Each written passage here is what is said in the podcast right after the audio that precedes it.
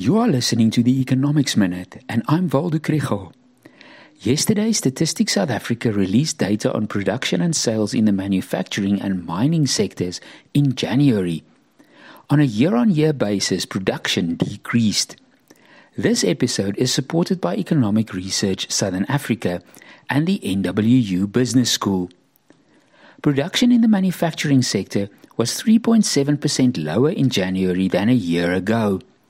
In particular, it was the production of petroleum and chemical products, motor vehicles and parts, basic iron, steel, and metal products that contracted.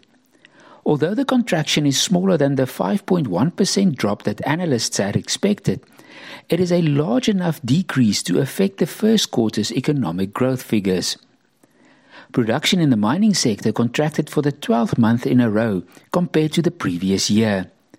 Production of platinum group metals and diamonds decreased sharply compared to January 2022. The production of iron ore and coal did increase.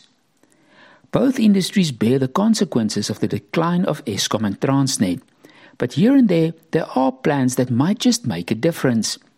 There is now a 100 million rand resource mobilization fund to which organized business made a significant contribution, which should help to buy in technical skills to make the president's energy plan work.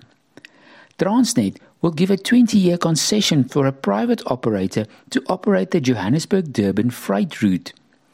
A new law on public procurement is ready for Parliament and will hopefully enable new public private partnerships.